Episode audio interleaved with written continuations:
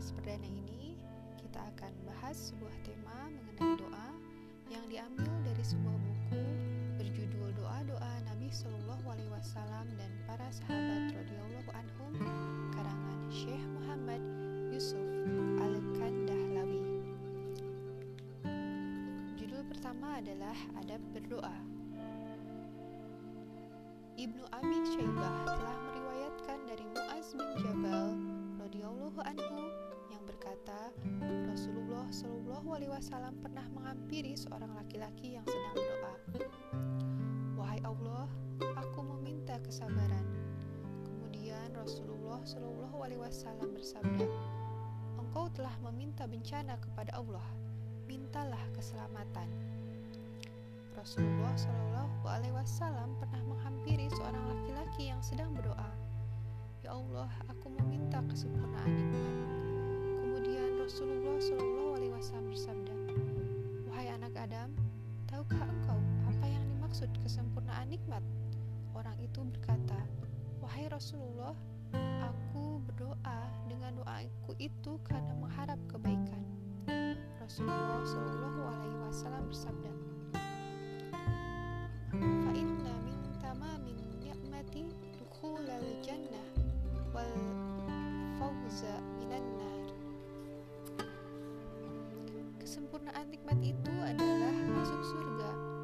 selamat dari neraka.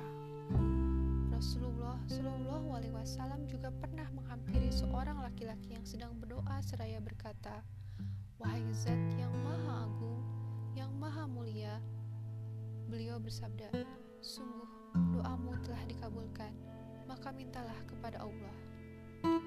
Ibnu Abi Syaibah telah meriwayatkan dari Anas bin Malik radhiyallahu anhu yang berkata,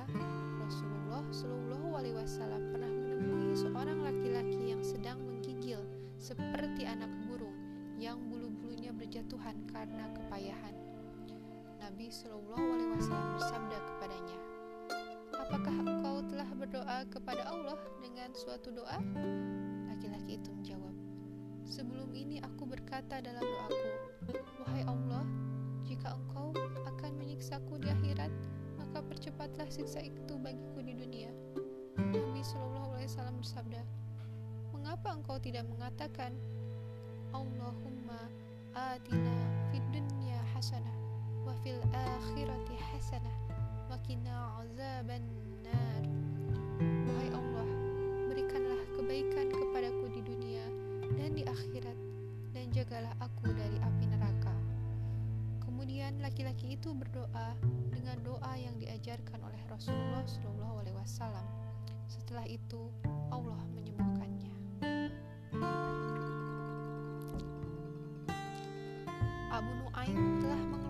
Hadis dari Bashir al-Hoshisyah yang berkata, Rasulullah Shallallahu Alaihi Wasallam bersabda, Aku memuji Allah yang telah datang dari Robiah al Qoisham hingga ia masuk Islam di tangan Rasulullah Shallallahu Alaihi Wasallam. Kemudian aku berkata, Wahai Rasulullah, berdoalah kepada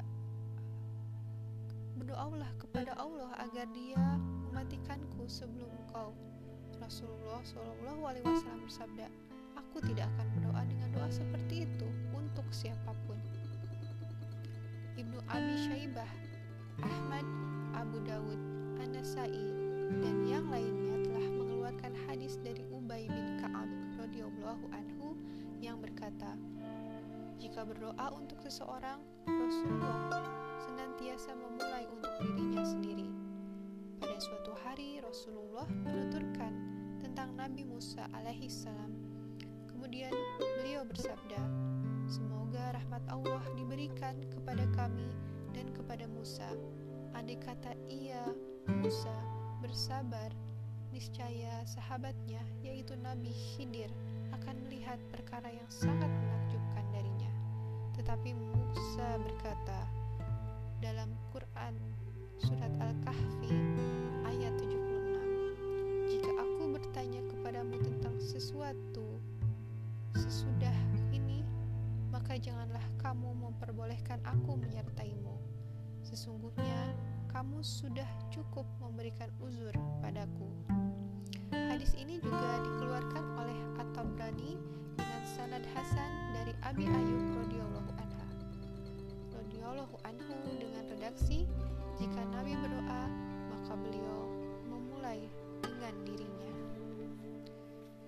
Ibnu Abi Syaibah telah meriwayatkan dari Asy'abi yang berkata Aisyah radhiyallahu anha pernah berkata kepada Ibnu Saib yang menjadi hakim bagi penduduk Makkah. Hindarilah kata-kata bersajak ketika berdoa, karena aku hidup semasa dengan Nabi dan para sahabatnya. Mereka tidak melakukannya. Ibnu Abi Syaibah dan Abu Ubaid telah mengeluarkan hadis dari Umar bin Khattab bahwa ia pernah mendengar seorang lelaki yang meminta perlindungan kepada Allah dari fitnah. Kemudian Umar bin Khattab berkata, Aku berlindung kepada Allah dari kata-katanya.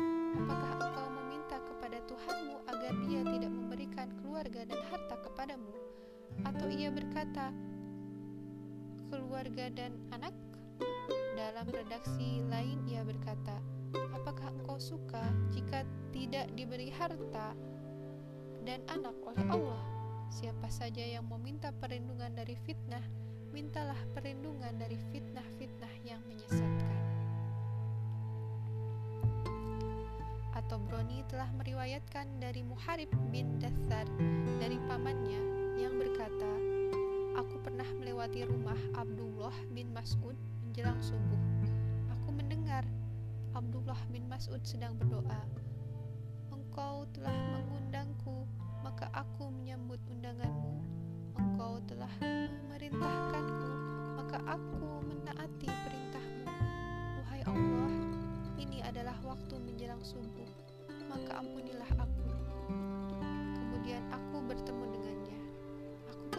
berkata, aku telah mendengar kata-kata yang kau ucapkan menjelang subuh. Lalu aku memberitahukan doanya tersebut.